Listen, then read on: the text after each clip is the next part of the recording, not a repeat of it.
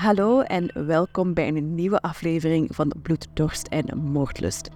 Vandaag gaan we terug naar 3 januari 2010. Toen werd de bruisende buurt North Miami het toneel van een huiveringwekkende ontdekking die de hele buurt diep schokte. Het levenloze lichaam van Paula Sladowski, een aspirant model en Playboy bunny, werd gevonden in een afvalcontainer. En hiermee kwam een ijskoud verhaal vol mysterie, vreedheid en een mislukte relatie aan het licht. Vooraleer we beginnen wil ik jullie even vragen om je te abonneren op de podcast, waar je ook luistert. Op die manier mis je nooit nog een aflevering. Laten we beginnen. Paula Slodowski en haar partner Kevin Clem waren naar de Sunshine State gereisd om het nieuwe jaar in te luiden met beloftes en feestelijke vreugde. Echter, wat er gebeurde was alles behalve feestelijk. De gruwelijke omstandigheden van Sledowski's dood kwamen aan het licht nadat autoriteiten haar verbrande botten ontdekten, die via tandartsdossiers geïdentificeerd moesten worden. Een stille getuige van de ernst van de misdaad. De stormachtige relatie tussen Sledowski en Klim, vol misbruik en geweld, zette Klim in de schijnwerpers als een persoon van belang. Deze zaak laat zich echter niet eenvoudig categoriseren als een duidelijk opgeloste zaak. Hoewel Klim een van de laatste mensen was die Sledowski zag, en er geruchten waren dat het paar kort voor haar verdwijning een fysieke confrontatie had in Miami's Club Space, nam het onderzoek een erg interessante wending. Camerabeelden toonden namelijk aan dat Klim alleen in een taxi vertrok, waarschijnlijk op weg naar het hotel van Sladowski verliet de club op hetzelfde moment, vergezeld door medewerkers van Club Space. Een onbekende persoon die Sladowski leek te volgen, voegde een nieuwe laag toe aan het al ingewikkelde verhaal.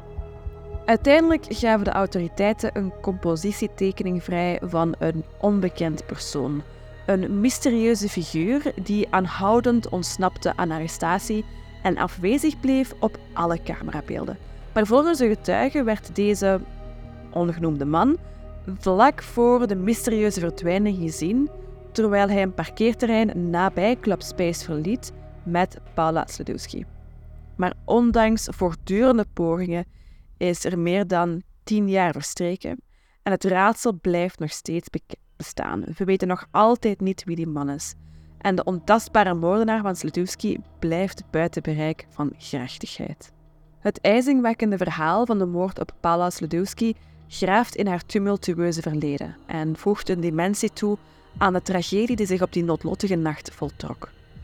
Sladowski werd geboren op 15 november 1983 in Garden City in Michigan en bracht haar vroege jaren door in de schaduw van een tumultueus gezinsleven. Haar vader was verdwenen en er waren alarmerende geruchten dat haar moeder haar een connectie toestond met een aanzienlijk oudere man en dat op de tedere leeftijd van 14. Kelly, Paula's oudere zus, rapporteerde moedig de alarmerende situatie aan de autoriteiten. Nu, terwijl Sadowski de uitdagingen van de adolescentie het hoofd bood, droomde ze ervan haar problematische verleden te ontvluchten door een carrière in de modellenwereld. Op de leeftijd van 19 of 20 jaar ambieerde ze een Playboy Playmate te worden. In 2003 zette ze een grote stap richting dit doel door te verschijnen op de DVD Playboy The Ultimate Playmate Search. Ondanks haar inspanningen kwam de doorbraak in haar carrière, waarop Sladowski had gehoopt, niet tot stand. Na haar verschijning in de Playboy-video stuitte Paula Sladowski op een moeilijke periode in haar modellencarrière, waarin kansen erg schaars waren. Geconfronteerd met financiële uitdagingen zou ze zich naar verluid tot het exotisch dansen hebben gewend om rond te komen, terwijl ze haar weg zocht in de uitdagende wereld van het volwassen entertainment. Midden in haar twintiger jaren begon Sledowski een relatie met Kevin Klim, een man die ruim acht jaar ouder was. Maar vanaf het begin waren er duidelijke waarschuwingssignalen die zorgen baarden bij de mensen dicht bij Sledowski. Haar stiefvader, Richard Watkins, herinnerde zich de tumultueuze relatie en adviseerde hen om hun relatie te heroverwegen. Het conflict in hun relatie escaleerde in de zomer van 2009 toen Sedudowski te maken kreeg met juridische problemen. Ze werd gearresteerd in Californië voor het aanvallen van Klim met een fles. Maar deze beschuldigingen waren later ingetrokken. Desondanks bleef het geweld doorgaan en in december van dat jaar werd Klim gearresteerd voor het breken van Sledowski's neus. Ondanks hun roerige relatie besloot het paar na anderhalf jaar vol uitdagingen toch samen te blijven. Hun keuze om samen het nieuwe jaar in Miami te vieren was een teken van hun vastberadenheid, ondanks de voortdurende oneenigheid.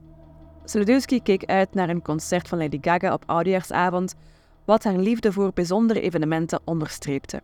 In scherp contrast met de tragische gebeurtenissen die zich later in North Miami zouden ontvouwen. Te midden van wat een kortstondig en vreugdevol uitstapje had moeten zijn, werd de relatie tussen Paula Sledowski en Kevin Clem gekenmerkt door conflicten. In de vroege uurtjes van 3 januari 2010 betraden ze Club Space in Miami. Maar de nacht nam een duistere wending toen ze niet samen de club verlieten. Club Space bracht verslag uit van een verontrustend voorval waarbij Sledowski en Klim betrokken raakten bij een handgemeen aan de bar. Snel handelend werd Klim gevraagd om de club te verlaten en vond hij zijn weg naar een klaarstaande taxi. Voor Sledowski liepen de zaken anders af. Kort na Klim werd zij verzocht om de club te verlaten. Een moment dat door bewakingscamera's omstreeks 7.20 uur in de ochtend werd vastgelegd. De beelden tonen hoe Sledowski door een medewerker van Club Space en een managementlid naar buiten werd geleid. Een van de laatste momenten waarop zij te zien is. Later kwam naar voren dat een getuige Sledowski had gezien terwijl ze met een onbekende man een nabijgelegen parkeerplaats verliet. Deze man werd later een verdachte in de zaak. Naarmate de ochtend vorderde, ontwaakte Klim in zijn hotelkamer, worstelend met de nasleep van de vorige avond. De schrik sloeg hem om het hart toen hij merkte dat Sledowski niet langs hem lag. In een poging om hulp te vinden, nam hij contact op met de politie, waar hij te horen kreeg dat hij 24 lange uren moest wachten voordat hij een vermissingsaangifte kon doen. Een vertraging die cruciaal bleek in de zoektocht naar wat er met Paula Sledowski gebeurd was. Terwijl Kevin Klim overmand werd door angst en ongeloof over de langdurige afwezigheid van Paula, nam het drama een nog sinistere wending. Zo'n 14 uur nadat Sledowski Club Space had verlaten, ontving de politie een melding over een brandende container in een industrieel gebied van North Miami, ver verwijderd van de nachtclub. De verkoolde resten lagen binnenin. De autoriteiten troffen het ernstig verbrande lichaam van Paula Sledowski aan, die enkel via tandheelkundige gegevens geïdentificeerd kon worden. Kevin Klim kwam onvermijdelijk in de belangstelling te staan als een belangrijke figuur in het moordonderzoek. De geschiedenis van een tumultueuze relatie, gekenmerkt door frequente ruzies en het feit dat hij een van de laatste was die haar leven zag, wierpen een schaduw van verdenking over Kevin. Desondanks werd hij uiteindelijk door de autoriteiten vrijgesproken van betrokkenheid bij moord, ondanks de aanhoudende twijfels die hun problematische verleden opriep. Kelly Ferris, de zus van Sledowski, die zich actief inzette voor de zaak, uitte haar twijfels over de schuld van Klim. Ze benadrukte de afgelegen locatie van de container en het feit dat Klim geen middelen had om Sledowski te vervoeren, mede omdat ze geen auto hadden gehuurd. Het onderzoek nam een nieuwe wending toen de beveiligingsbeelden van buiten Club Space werden geanalyseerd. Daarop was te zien hoe Klim en Sledowski apart de club verlieten. Deze belangrijke aanwijzing, samen met een getuigenis dat Sledowski met een onbekende forse man van Afro-Amerikaanse of Latijns-Amerikaanse afkomst en een sikje het parkeerterrein verliet, leidde tot het opstellen van een compositietekening van een mysterieuze persoon. De intrigerende wendingen in het onderzoek naar de tragische dood van Paula Sledowski wierpen een nieuw licht op een mogelijke verdachte. Iemand die zowel aan het oog van de camera als aan concrete identificatie ontsnapte.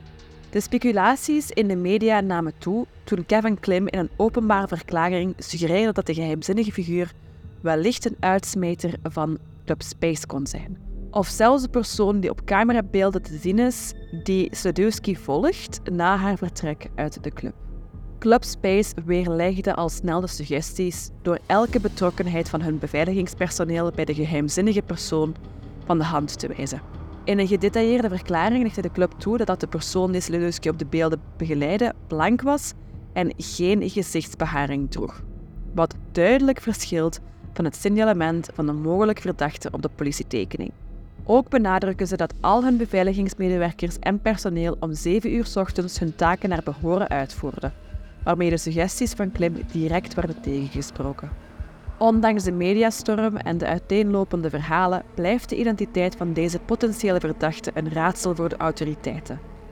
Kevin Klim is ervan overtuigd dat het om iemand gaat die Sledowski eerder op die avond had ontmoet.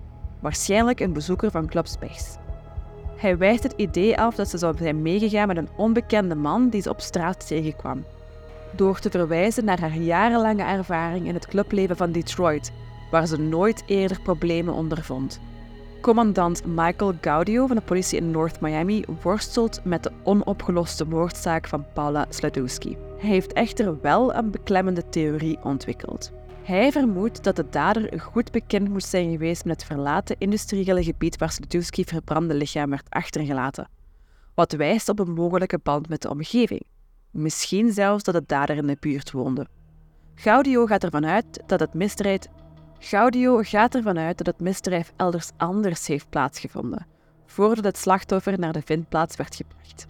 Een plek die niet algemeen bekend is, wat de berekende en doelbewuste aard van de daad benadrukt. Een belangrijk bewijsstuk kwam aan het licht door zwart-wit beveiligingsbeelden die door CBS4 waren verkregen.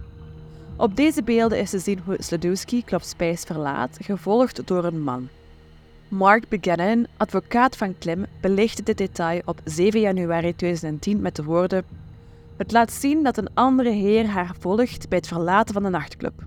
De identiteit van deze persoon is tot op heden onbekend, ondanks dat Gaudio regelmatig telefoontjes en tips ontvangt over mogelijke verdachten en relevante personen. Gaudio blijft echter optimistisch over een mogelijke doorbraak in de zaak en spoort eventuele getuigen aan om zich te melden, vooral gezien de tijd die sindsdien is verstreken. Gaudio hoopt heel erg hard dat hij op een dag de moord van Paula Sladowski kan oplossen. Nu, wat denken jullie? Was het Kevin Klim? Of was het de persoon die haar volgde, de persoon met een sikje? Afro-Amerikaans, Latijns-Amerikaans, wie weet. Laat het me weten op Spotify. Daar is er een commentbox waar jij je gedachten kan achterlaten. Alvast bedankt om te luisteren. Vergeet je zeker niet te abonneren, zodat je zeker geen aflevering mist. Ik zie je volgende keer weer voor een nieuwe aflevering van Bloeddorst en Moordlust. Tot dan, als je durft.